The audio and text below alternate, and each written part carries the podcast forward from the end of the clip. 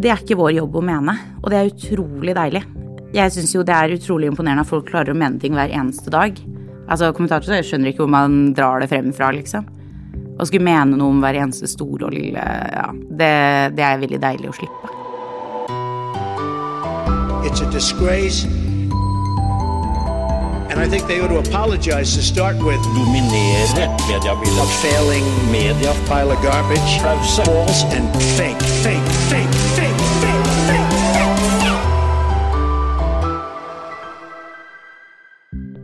Hei, og velkommen til Pressepodden. Mitt navn er Kristine Sterud. Da hun var 15 år, så sto hun og grein på demonstrasjoner. Men nå er det politiske engasjementet blitt bytta ut med en brennende iver for journalistikk. Nå fotfølger hun politikerne og elsker å breake politiske saker.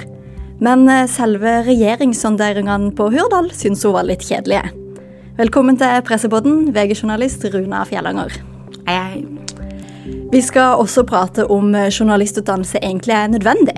Vi skal prate om en bok du har skrevet, og vi skal ta en sving innom et av prosjektene dine i VG. Men først skal vi ha noen ord fra våre annonsører. Sikre deg tilgang på det beste innholdet fra mediebransjen. Bli plusskunde i Medie24. Nå er det én krone for én måned uten binding. Vi ses på medie24.no.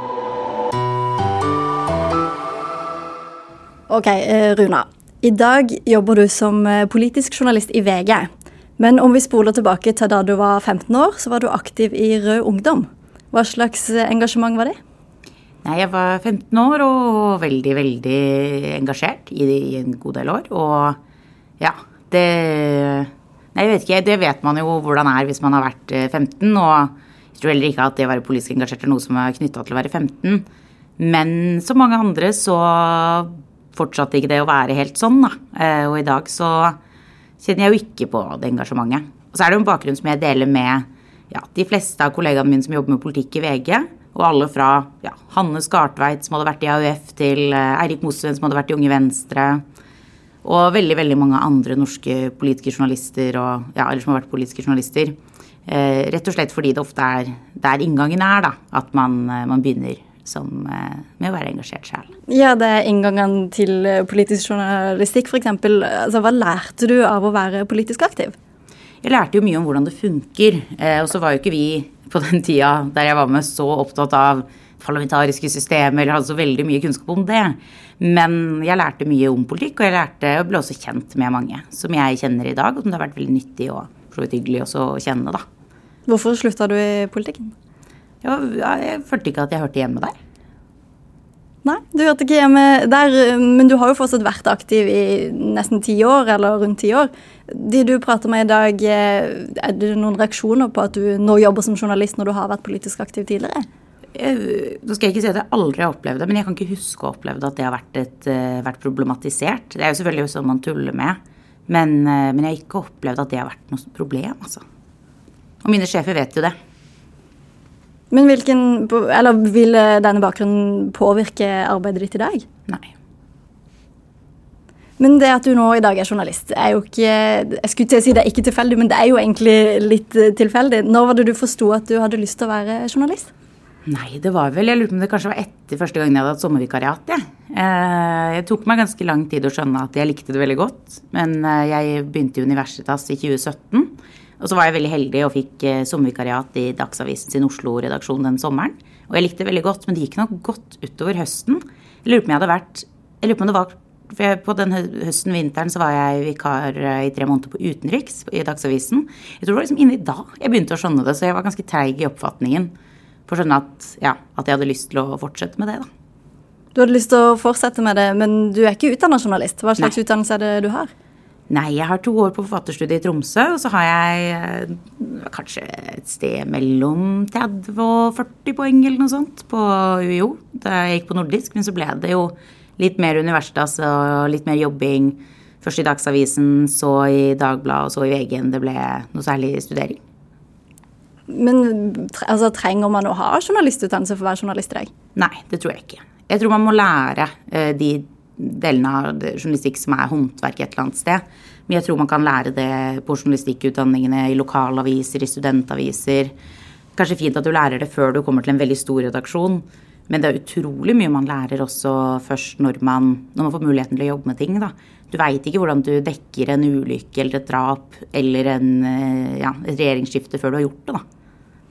Og da du jobba i universitet, så hadde du mye ansvar. Hva lærte du av den perioden der? Nei, at det er, eh, det er slitsomt å ha ansvar. Eh, Det gøye med det er jo når ting funker. Men jeg fikk, det, var ikke, det var veldig deilig å være ferdig å være sjef, eh, og heller få skrive. Jeg syns jo det er, jeg synes det er gøyere å være journalist. Ja, for det å heller få skrive, Da vi snakka sammen på forhånd før vi kom inn i studio her, så sa du at skriving egentlig var grunnen til at du begynte i Universitas. Fortell litt om det. Nei, jeg tenkte jeg hadde lyst til å bli bedre til å skrive, rett og slett. Og hadde egentlig bare tenkt at det er et fint sted å lære det. Jeg kjenner noen som jobber der, det blir sikkert gøy. Og så ja, ble det jo litt mer enn det. Litt mer enn det, og i dag eh, jobber du i VG. Du er politisk eh, journalist i VG. Hvordan er en eh, vanlig dag for deg der? Det er jo litt vanskelig å svare på, for det er jo stort sett veldig ulike dager, da. Noen dager, sånn som det har vært mye av denne uka, så løper man jo rundt fra sted til sted eh, og, og prøver å få dekka ja, dekka liksom breaking-hendelsene i, i, i politikken. Mens andre dager så er det utrolig mye prating med folk på Stortinget. Eh, på kontorer og i ganger og i restauranten og etterpå og ja. Så det er, eh, det er veldig forskjellige dager. Vi får reise også, det syns jeg er veldig gøy at vi får. Reise til omtrent hvor som helst Norge. Hvor er det gøyeste stedet du har reist til? Åh, vet du hva, nå har det vært, eh, Under korona så har ethvert sted vært eh, helt fantastisk å reise til. Uansett liksom, om du har kommet dit klokka ni, og det eneste åpne restauranten har vært pizzabakeren. liksom. Nå er det bare helt konge å få komme seg ut av Oslo. Men det beste eller gøyeste stedet jeg har fått reise Her skulle jeg hatt et godt svar, men eh, ja. Ja, Da hadde jeg ikke helt forberedt deg på det, på det svaret heller, kanskje. Men eh, en reise du iallfall gjorde for ikke så lenge siden, da, hvis man kan kalle det en reise, for det er jo ikke så langt unna Oslo, var jo at du var og fulgte disse regjeringssonderingene på Hurdal. Og i hvert fall noe av inntrykket jeg har eh, av mediedekninga der, er jo mye bilder og, og TV-bilder av liksom, gjennom vinduene når Støre er i bassenget. Man følger etter Vedum på frisbeegolf, eller man mm. ja, Hver gang noen går gjennom resepsjonen for å hente en kaffe, så står alle journalistene på tå hev. Men åssen var det egentlig å jobbe der? Det var ganske kjedelig. Uh, hvis man er nyhetsjournalist, så liker man jo at ting skjer. At man får skrevet saker, at man får dem ut, at man vinner nyhetskampen. Og, og det var tidvis gøy på Hurdal, altså, men først og fremst så var det jo mye venting. Og det tror jeg jo ikke passer eh, nyhetsjournalister generelt. Eh, det, mange av oss har jo valgt denne jobben her fordi den er hektisk og alltid mye å gjøre. Og det er lett å holde seg motivert og gira når det er ting som skjer, da. Så ja, den, eh, det fortet de bygde opp på Hurdal, gjør selvfølgelig at det er kjedelig. Ja, ikke sant. For dette med at SV gikk ut av sonderingene, var det noe du visste på forhånd? Nei, det var det ingen som meldte. Og det er veldig sjeldent at noe sånt skjer. Og, og da kan man jo tenke sånn Ja, hva, hvorfor meldte Hvorfor fikk man ikke vite det av kildene sine i det partiet eller i andre partier? Men der har jeg inntrykk av at, jeg har inntrykk av at det har vært uvanlig tett eh, oppe på Hurdal. Og sånn har det jo vært når vi har lagd regjeringskabal også, selv om der har man fått ut mer, da. Så har det også vært at man merka forskjellen på å prøve å få ut ting i Senterpartiet og i Venstre. Veldig takknemlig jobb å, å jobbe med Venstre. Et parti som, som har det i sin natur å lekke, holdt jeg på å si. Nei da, men et parti der man eh, Ja, da vi jobba i 2020 med regjeringskabal, f.eks., så hadde vi jo jobba i hvert fall et halvt år med interne stridigheter i Venstre.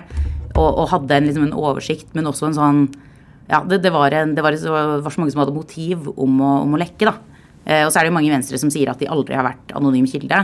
Og det syns jeg er eh, Jeg synes for det første det er, det er dumt å si.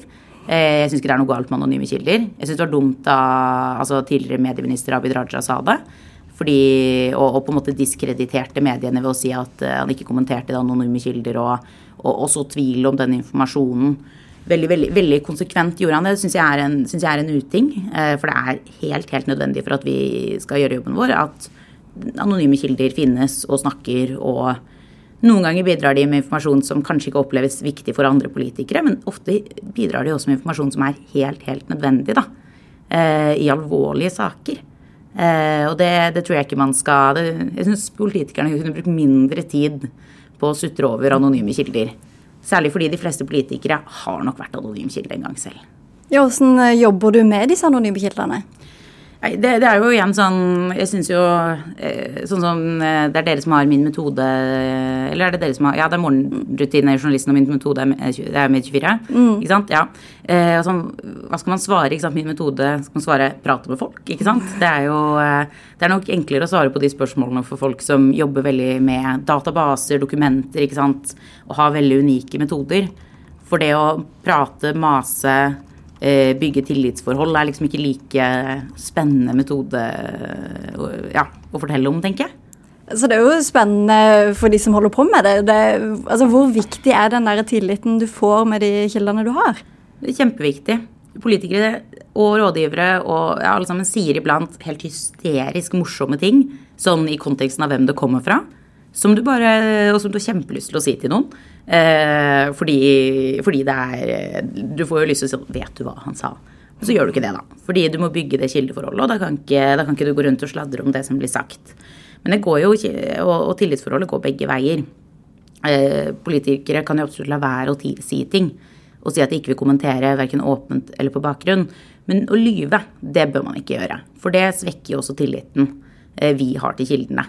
Eh, hvis, vi, hvis vi hører noe fra en kilde vi vet at alltid snakker sant, og vet at skal ha den informasjonen, eller det er, god, det er god grunn til å tro at den kilden faktisk vet hva som skjer, så vil jo det veie mye mer enn en kilde som pleier å komme med halvsannheter og løgner, eller ja. Så da Skjer det ofte at du føler deg påvirka av kilder som prøver å få inn sin egen versjon? Altså alle, alle har jo en motivasjon, og jeg tror at man skal være bevisst på den motivasjonen. Men hvis du skal lete etter kilder i norsk politikk uten egen motivasjon, da har du ikke mange igjen. ikke sant? Alle har jo en motivasjon, enten om den er politisk, personlig, ja, eller noe helt annet. da. Men, eh, men at man skal være bevisst på det, det er viktig. Og jeg føler, jeg føler ikke at kilder prøver å gjøre det på en sånn det er Veldig sjelden jeg føler kilder prøver å Eller noen prøver å være Eller påvirke på en liksom, kjip måte. Men selvfølgelig, alle har jo lyst til å fortelle sin historie. Og sånn som på Hurdal, når eh, SV gikk ut av sonderingene, så er det jo forskjellige historier om hvorfor, og hvem som pressa ut, eller hvem som selv gikk, og ikke sant. Helt ulike versjoner om det var ja, SV som ble pressa ut, eller SV som selv valgte å gå, da. Ut ifra om du spør folk i SV, Arbeiderpartiet eller Senterpartiet, da. Men tilbake til de som eh, nå er i regjering. For i sted sa du at eh, Venstre egentlig har vært ganske lett å jobbe med. Er det egentlig et eh, kan man si liksom tap for politisk journalistikk at det nå er en ny regjering? Nei, det blir en kjempespennende regjering å jobbe med. Det er mange nye, ferske. Det er mange som har mye å bevise. Det er en mindretallsregjering, som jo for eh, journalistikken er veldig bra. Eh, fordi det betyr at det skjer ting i Stortinget også. Eh, og det betyr at, eh, at det vil være kamper, da. Det er jo kjempespennende å, å jobbe med en mindretallsregjering. Og den regjeringa her tror jeg også blir gøy nettopp fordi det er en veldig fersk regjering. Det er, eh, det er mange som det er jo en god del som satt i regjering, ja, noen som satt i regjering eh, mellom 2005 og 2013. Veldig mange som ikke gjorde det. Særlig altså, de folka rundt, da, politiske rådgivere og statssekretærer. Så er det jo ganske mange som er på alder med ja, meg og deg, f.eks. Eh, som da ikke helt var i alderen for å være, være i, eh, i regjeringsapparatet sist, da, for å si det sånn. Så jeg tror bare det blir spennende. Men at Venstre er et gøy parti å jobbe med, det er det jo ingen tvil om. Det sa vi jo til dem også da de var så lei av å ha oss stående utenfor, eh, ja, i fjor blir det vel. Og valgkomitélederen til slutt, eh, etter mange, mange timer og pressekonferanser og møter og sånn, sa er det greit om jeg går nå? Som vi, jeg og min kollega Eirik Røsvik selvfølgelig var veldig fornøyd med at, eh, at han spurte om tillatelse til, da. Syns vi var flott. Det er et eksempel til etterfølgelse. Eh, Spør VG før du går. Spør VG før. du Ja, ja. Nei da. Men, men da sa vi jo til dem dere kommer jo til å savne dette. Når Venstre, Hvis Venstre går under sperregrensa eller ut av regjering, og dere må begynne å komme bort og selge inn saker igjen istedenfor at vi henger utenfor og prøver å banke på kontorene deres, kommer dere til å savne det. Og først nå så er det vel kommet litt sånn noen er sånn, ja, ja, kanskje nå, nå blir det vel vi som maser, ja. Så det, ja. Så det, egentlig er det et privilegium at eh, du står og banker på dørene de sine? ja, det betyr jo at man har makt og innflytelse. Eller veldig spennende interne intriger. Og apropos makt og innflytelse, du var jo ganske nylig med å lage en sak som handla nettopp om det, som da rett og slett kalte for Svingdøren. Hva var det Svingdøren handla om? Det handler om eh, overgangene mellom politikk og PR, og gjerne fram og tilbake. Som, eh, som har vært snakka om i mange, mange mange år, eh, og som det er gjort masse god journalistikk på. Men som det aldri er noen som har kartlagt omfanget av på den måten. I hvert fall ikke så, så mye jeg kjenner til. Og jeg har lest det aller meste som er å lese om, eh, om politikk og PR. Så vi kunne jo da Nå har jeg ikke tallene med meg eller i hodet, må jeg innrømme. Men vi kunne jo da vise frem eh, hvor mange det er som har gått mellom. Hvor mange det er som har gått frem og tilbake flere ganger. Hvor mange det er som har dobbeltroller, osv. For dette var en hel haug av på en måte kort som du kunne liksom trykke på og se ok, denne personen har først vært der, og så vært der, og så tilbake hit. Det, og du snakker litt om, om hvorfor det, en sånn type sak er viktig. Men har det noe å si at man både har eh, vært liksom på begge sider av PR og politikk? Det er jo, altså, det er ikke min rolle å mene om. Eh, men, men det vi har kartlagt, har vist flere ganger. Både i fjor, eh, da Anne Solsvik, som nå har vært statssekretær for Guri Melby, kom fra First House til Venstre i regjering. F.eks. at hun da kort tid før hadde skaffet Hurtigruta, som hun jobbet for da, møte med Iselin Nybø på Eh, nå husker jeg ikke akkurat hvor mange minutter det var, men eh, en kveld eh, på ganske kort tid hadde hun skaffa det møtet. Eh, og vi kunne vise hvordan ja, også venstretopper hadde stilt opp i reklame for to tidligere rådgivere sine firmaer. Der, eh, der de viste, viste på sine nettsider så viste de ja, referansene sine, som da ble en reklame for det, for det de enkelt, ja, enkeltmannsforetakene, er det det nå? Enkeltpersonsforetak. Enkeltpersonsforetak. Ja. Og hvordan også eh, to eh, PR-topper hadde solgt inn eh, sin egen ja, henholdsvis kone og søster som en mulig ambassadør for et prosjekt i en kommune som de jobba for. Så de sakene her viser jo en sammenblanding. Og så er det liksom Det syns jeg er litt viktig å understreke, fordi jeg tror veldig ofte så oppfatter jo eh, Kanskje ikke først og fremst lesere, men kanskje først og fremst de som på en eller annen måte blir eller som er en del av den journalistikken, da. Eh, gjerne de som opplever at de får kritikk, da. At vi eh, har en veldig agenda eller noe sånt. Og først og fremst så syns jo vi det er gøy å lage god journalistikk, da. Eh, og eh, en statsråd, ja, eller en, en avgått eh, en avgått statsråd eller statssekretær som eh, blir sett i kortene på dobbel etterlønn, sånn som man hadde en runde med i fjor, eh, ja, starten av 2020, vil jo oppleve det som eh, vil jo lett oppleve det som en nærmest en kampanje. ikke sant? Det ser vi jo igjen igjen, at folk opplever det ofte som, som noe At journalistene har en klar mening om hva, hva som er riktig og galt. Har dere det? Som oftest ikke. Pleier å si for at barn skal ha en trygg oppvekst. Det er dumt at folk blir drept i krig. Sånne radikale ting. Nei, men det er liksom det, det er ikke vår jobb å mene så mye. Da. da vet jeg at en del journalister sliter med eh, og syns er vanskelig. Men man har en utrolig morsom jobb der man må si fra seg et privilegium, da. Og det er retten til å synse og mene og mase om hva man mener hele tiden på sosiale medier, f.eks. Og det syns jeg er et helt greit offer. Ja, fordi du har jo, som vi snakket om i sted, har jo holdt på å si, likt å stå og rope høyt hva du mener. Eh, Åssen er det å, å på en måte holde tilbake Eller holder du tilbake det du mener nå? Nei. Det, dette er jo, det høres jo helt forferdelig ut, men det er ikke så mye jeg har så sterke meninger om lenger. Jeg, blir, jeg kan jo bli liksom frustrert over ting i livet, sånn som alle blir, liksom. Det å være, ja, det å kjøpe leilighet f.eks. i Oslo gjør jo at man, man sitter med en følelse av sånn Men hvordan? Hva, hva skal skje, liksom? Men det er liksom en, et forskjell på det og å synes det er kjipt å ta opp et kjempestort lån, eh, og det å begynne å jobbe for en eller annen form for eh, spesifikk boligpolitikk som et eller annet parti mener noe om. Det er, eh, det er noen andres jobb, da. Men syns du det er for mye holdt på å si, sammensausing av egne meninger i norsk eh, journalistikk blant journalister i dag? Nei. Ikke blant de som jobber med politisk journalistikk. Det, det, vi er jo ikke så utrolig, utrolig mange, da. Men der tenker jeg at det stort sett er veldig ryddig. Og at man er opptatt av at det er også et krav som stilles til oss fra leserne, da. At man har kontroll på hvem som mener hva, og uten å mene noe sjøl? Ja, eller at, at det er ikke vår jobb å mene. Og det er utrolig deilig.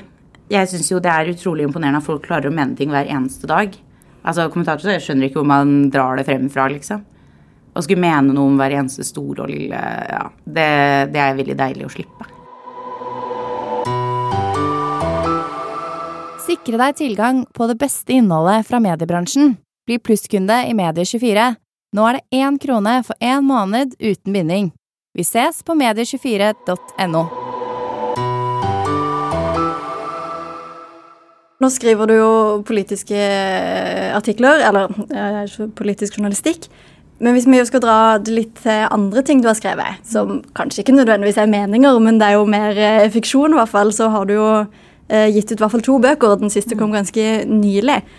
Hva er de største forskjellene på å skrive journalistisk og på å skrive skjønnlitterært? Det som jeg kanskje syns er aller gøyest med å skrive romaner For det er to romaner. Den første heter På motorveiene og kom i 2017. Eh, Og den andre heter Ingen gjenboere og kom nå nettopp. Eh, Det er jo det at man, man får utforske noe, da. Eh, Og det, det kan man jo til en viss grad også i, i journalistikken. Men, men på en annen måte. Jeg syns jo bøker som på en måte kunne vært kronikker, er ganske uinteressant. Jeg syns jo det er det å liksom finne ut av noe, da. Og, og gå inn i noe og prøve å finne ut liksom, hvordan er dette for et menneske, f.eks.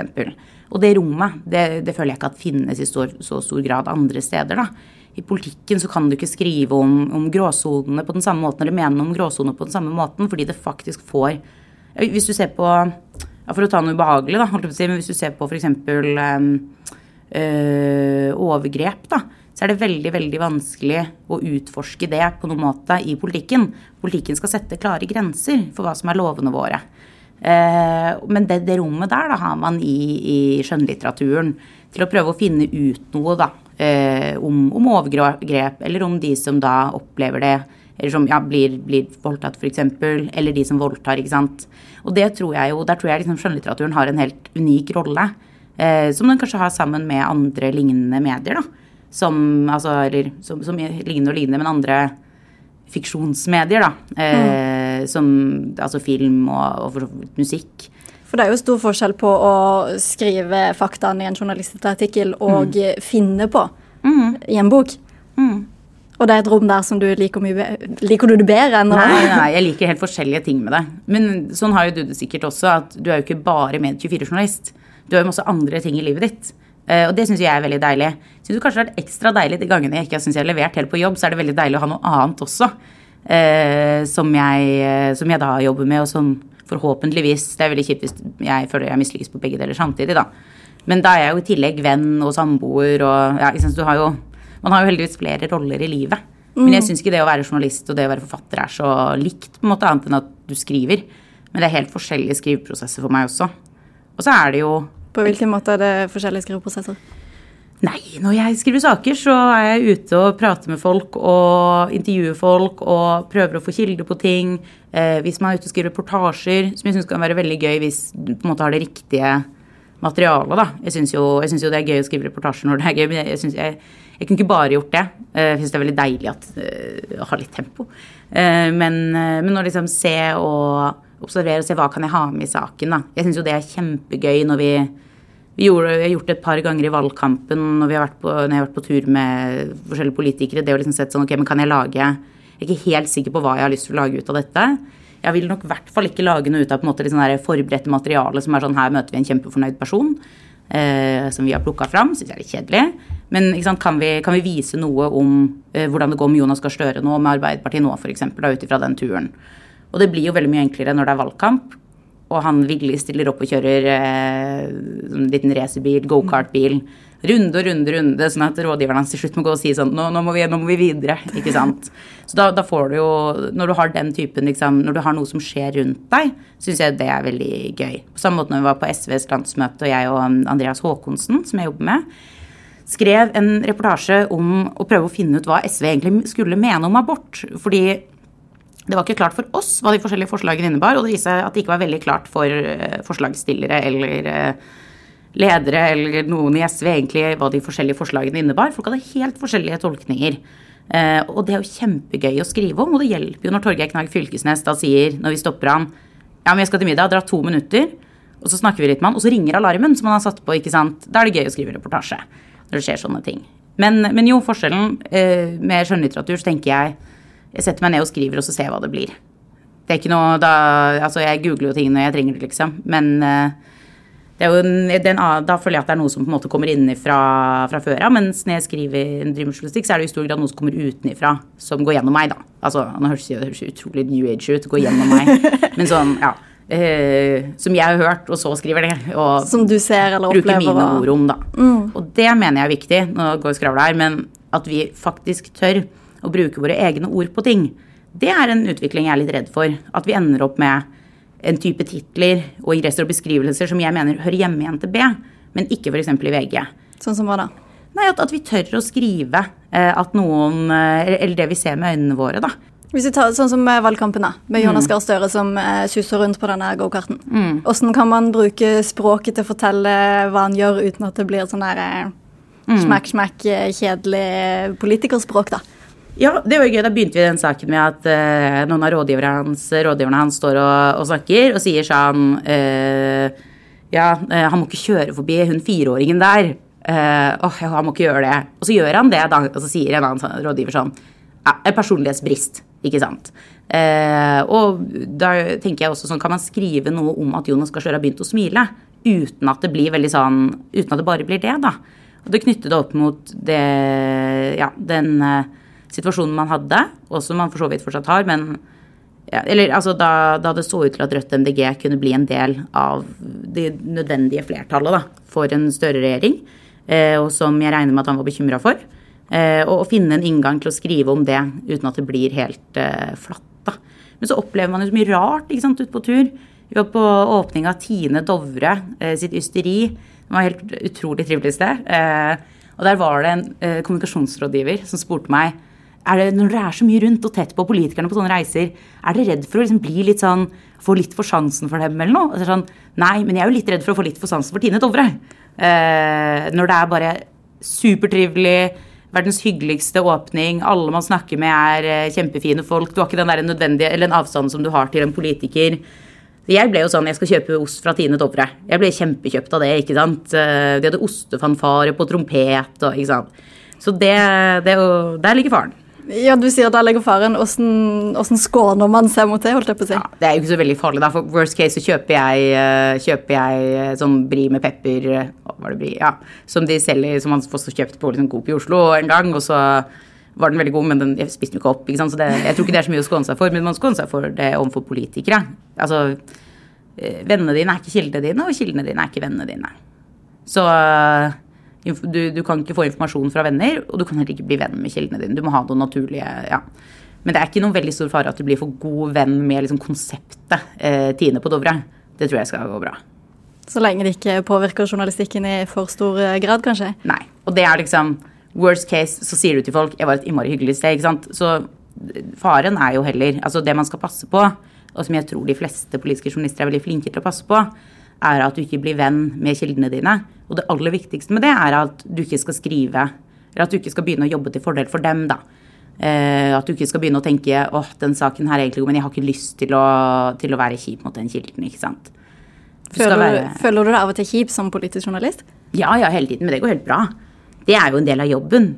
Altså det, altså jeg har jo, som vi snakka om tidligere, vært med i et ungdomsparti. Så jeg har jo både sittet på ringerunder til et veldig lite ungdomsparti og spurt om folk eh, vil betale kontingenten sin. Det har dere der. Men jeg har også sittet i ganske mange skoledebatter i gamle dager. Og nå har du sittet i skoledebatt for et liksom, jeg vet ikke hvor stort det partiet var på den tida, men under 2 liksom parti. Eh, og på en liksom forholdsvis mørkeblå eh, skole, så da kan du alt etterpå, på en måte. Altså, da står det på evne etterpå, ikke på guts. Fordi du har jo på en måte gjort det skumleste som finnes, da. Altså av, eh, av sosiale ting. Det er mye mindre ille å banke på til døra til en politiker du ikke kjenner og spørre om du kan komme inn, eh, enn å stå liksom og snakke om politikken din foran en gjeng som enten eh, ikke aner hvem partiet du kommer fra er, eller syns du er totalt idiot. Så har jeg gjort noen bra skoledebatter i gamle dager også, altså. Men, eh, men du herdes da, og det tror jeg det tror jeg jo mange politikere også veit, at man blir hvis man, hvis man har vært litt Stått eh, litt i debatt, f.eks., da, så blir det jo ganske Ja. Det er ikke så skummelt å gjøre så mye annet, da. For nå snakker du jo om dine egne erfaringer eh, fra den politisk aktive tida. Gir det deg en annen forståelse og en annen, ikke sympati, men en annen ja, forståelse da, av åssen det er å være journalist i dag? Nei, åssen det er å være politiker i dag? Det er vanskelig å si, da, også fordi det er så mange av oss som har den bakgrunnen. Eh, altså vel, de aller fleste, vil jeg tro, uten at de har noe tall på det. Eh, det kan jo sikkert dere lage en liste over hvis dere vil det. Men eh, de aller fleste tror jeg har en eller annen form for bakgrunn, fordi det er ofte, ofte gjennom en interesse man, man kommer inn. Men selvfølgelig så gir det jo en, en viss forståelse, tror jeg. Og så kjenner man jo en del folk Sitter i skoledebatt med mange, jeg, som, eh, som eh, har eh, Som enten har kommet inn på Stortinget eller ja, sitter i regjering, faktisk. Jeg har faktisk vunnet over Sveinung Rotevatn i skoledebatt, og det har jeg nok nevnt et par ganger opp gjennom åra, i Sogn og Fjordane. Da Det var veldig gøy, selvfølgelig. Det var generelt veldig gøy å vinne i skoledebatt og veldig kjipt å tape i skoledebatt. Men selvfølgelig den erfaringen der tror jeg er fin. Men så har, mangler jo jeg noe av det som veldig mange politikere har. Nemlig en dyp, dyp interesse for å lese lange, lange lange papirer om ting. Jeg har aldri lest perspektivmeldingen. Og det, det sjokkerer kanskje ikke deg, men det sjokkerer nok ganske mange ungdomspolitikere og politikere når at det finnes folk som ikke har gjort det. Men det er jo mange av oss som ikke er så glad i å lese lange, kjedelige dokumenter. Jeg liker jo best å snakke med folk, og det er jo, ja, derfor jobber jeg jo også med folk som liker å lese lange dokumenter, og som er veldig gode på det. Så de kan lese, og du kan uh, intervjue de etterpå. Nei, men altså vi, vi driver jo med litt forskjellige ting. Da. Noen er jo supergode eh, på å finne altså Sånn som koronagjengen, da. Som både er veldig gode på kilde, kildearbeid, men også veldig veldig gode på å gå inn i de anbefalingene som kommer fra helsemyndighetene, og bare finne hva det er som er interessant her. Folk som er kjempegode på innsynet, folk er jo gode på forskjellige ting. Og så tror jeg man, Det viktigste man må gjøre, er bare å ikke sette folk til det de er dårligst på. Så hvis du har, hvis du har to journalister, og en er veldig god på rampelys og en er veldig god på krim, så setter du jo dem på det de er gode på. Selvfølgelig. Eh, Du snakka jo om at du, du likte å vinne skoledebatter. Eh, Hvor viktig er det for deg å vinne nyhetskampen? Det er et eh, gøy spørsmål, for det er jo akkurat eh, sånn det har endra seg. På en måte at Jeg var opptatt av å vinne skoledebatter før, og nå er jeg veldig opptatt av at vi vinner nyhetskampen. Ja, det er jo veldig viktig. Ellers hadde jeg jobbet et annet sted. Eh, Du kan ikke jobbe i VG og tenke at det er greit å tape nyhetskampen. Og så skal man ikke gå rundt og, og måtte føle seg ræva i dagevis eh, hvis man taper nyhetskampen eller ikke syns man er god nok eller noe. Men det er jo viktig at man heller bruker det til å bli bedre. At man tar på en måte den litt sånn skuffelsen når man ikke syns man leverer godt nok, og bruker den til å levere bedre. Men du må ha konkurranseinstinkt og nyhetsteft hvis du skal drive med nyhetsjournalistikk. Du kan ikke sitte og vente på og tenke sånn ja, ja, kanskje vi kan ta en NTB på det etter hvert, liksom. Du skal vinne, og det er jo veldig gøy. Det er veldig gøy. Er du litt utålmodig òg? Ja, veldig. Jeg, jeg tror jo journalistikken passer godt for utålmodige folk generelt, men det passer også veldig godt for eh, folk som har ADHD. Og det er, tror jeg er en eh, Man må finne noe som passer for en. Og jeg kan bli veldig utålmodig. Selv om jeg kjenner folk som er enda mer utålmodige. Folk som plages enda mer av ikke liksom eh, Ja, ikke, ikke få produsert nok og sånn. Eh, men jeg er jo utålmodig. Jeg liker jo at noe skjer. Og hvis det blir veldig stille og retningsløst og eller man sitter på hjemmekontor, så merker jeg jo at jeg, jeg syns det er vanskelig å være motivert til noe. Hvordan kommer den motivasjonen til å være videre framover VG nå, tror du? Eh, Veldig god, tror jeg. Det er jo masse gøy å gjøre. Og det er jo eh, Altså, jeg finner en balanse med å ikke være helt eh, Ikke være Jeg har ikke lyst til å være smiskete heller. men samtidig må man jo si det som er sant. Det er ikke noe bedre sted å jobbe i norsk journalistikk enn i VG. Det er eh, helt topp. Jeg skjønner ikke hvorfor man skal jobbe noe annet sted. Og hva blir din neste store avsløring i den avisen? Det vet ikke jeg, men hva er det politikere sier? Jeg vet ikke, men hvis jeg hadde visst det, så hadde jeg ikke sagt det til deg. Eh, det hadde jeg nok ikke sagt hvis jeg visste. Så får vi se. Nå er det jo veldig åpent eh, fremover. Nå har det jo vært veldig sånn faste ting som har skjedd, som vi har jobba med. Mens nå blir det åpent. Jeg tror det blir veldig spennende med ny regjering. Og noen veldig store utfordringer. F.eks. For, for, for en ny justisminister. Som jo jeg tror eh, blir en veldig aktuell person å følge fremover. Og så er det jo Altså, det kommer jo inn masse folk som ikke eh, har eh, blitt plagd av oss i eh, årevis. Så det blir jo veldig spennende å se hvordan, eh, hvordan det møtet blir, da.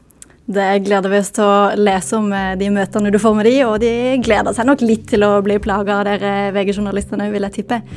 Tusen takk, Runar Fjellanger, for at du kom hit i dag og var gjest i Presspodden. Til deg som hører på, så må jeg takke deg for at du hørte helt hit. Ansvarlig redaktør i Medier24 er Erik Våtland, og du følger oss selvfølgelig alltid på medier24.no. Takk for nå.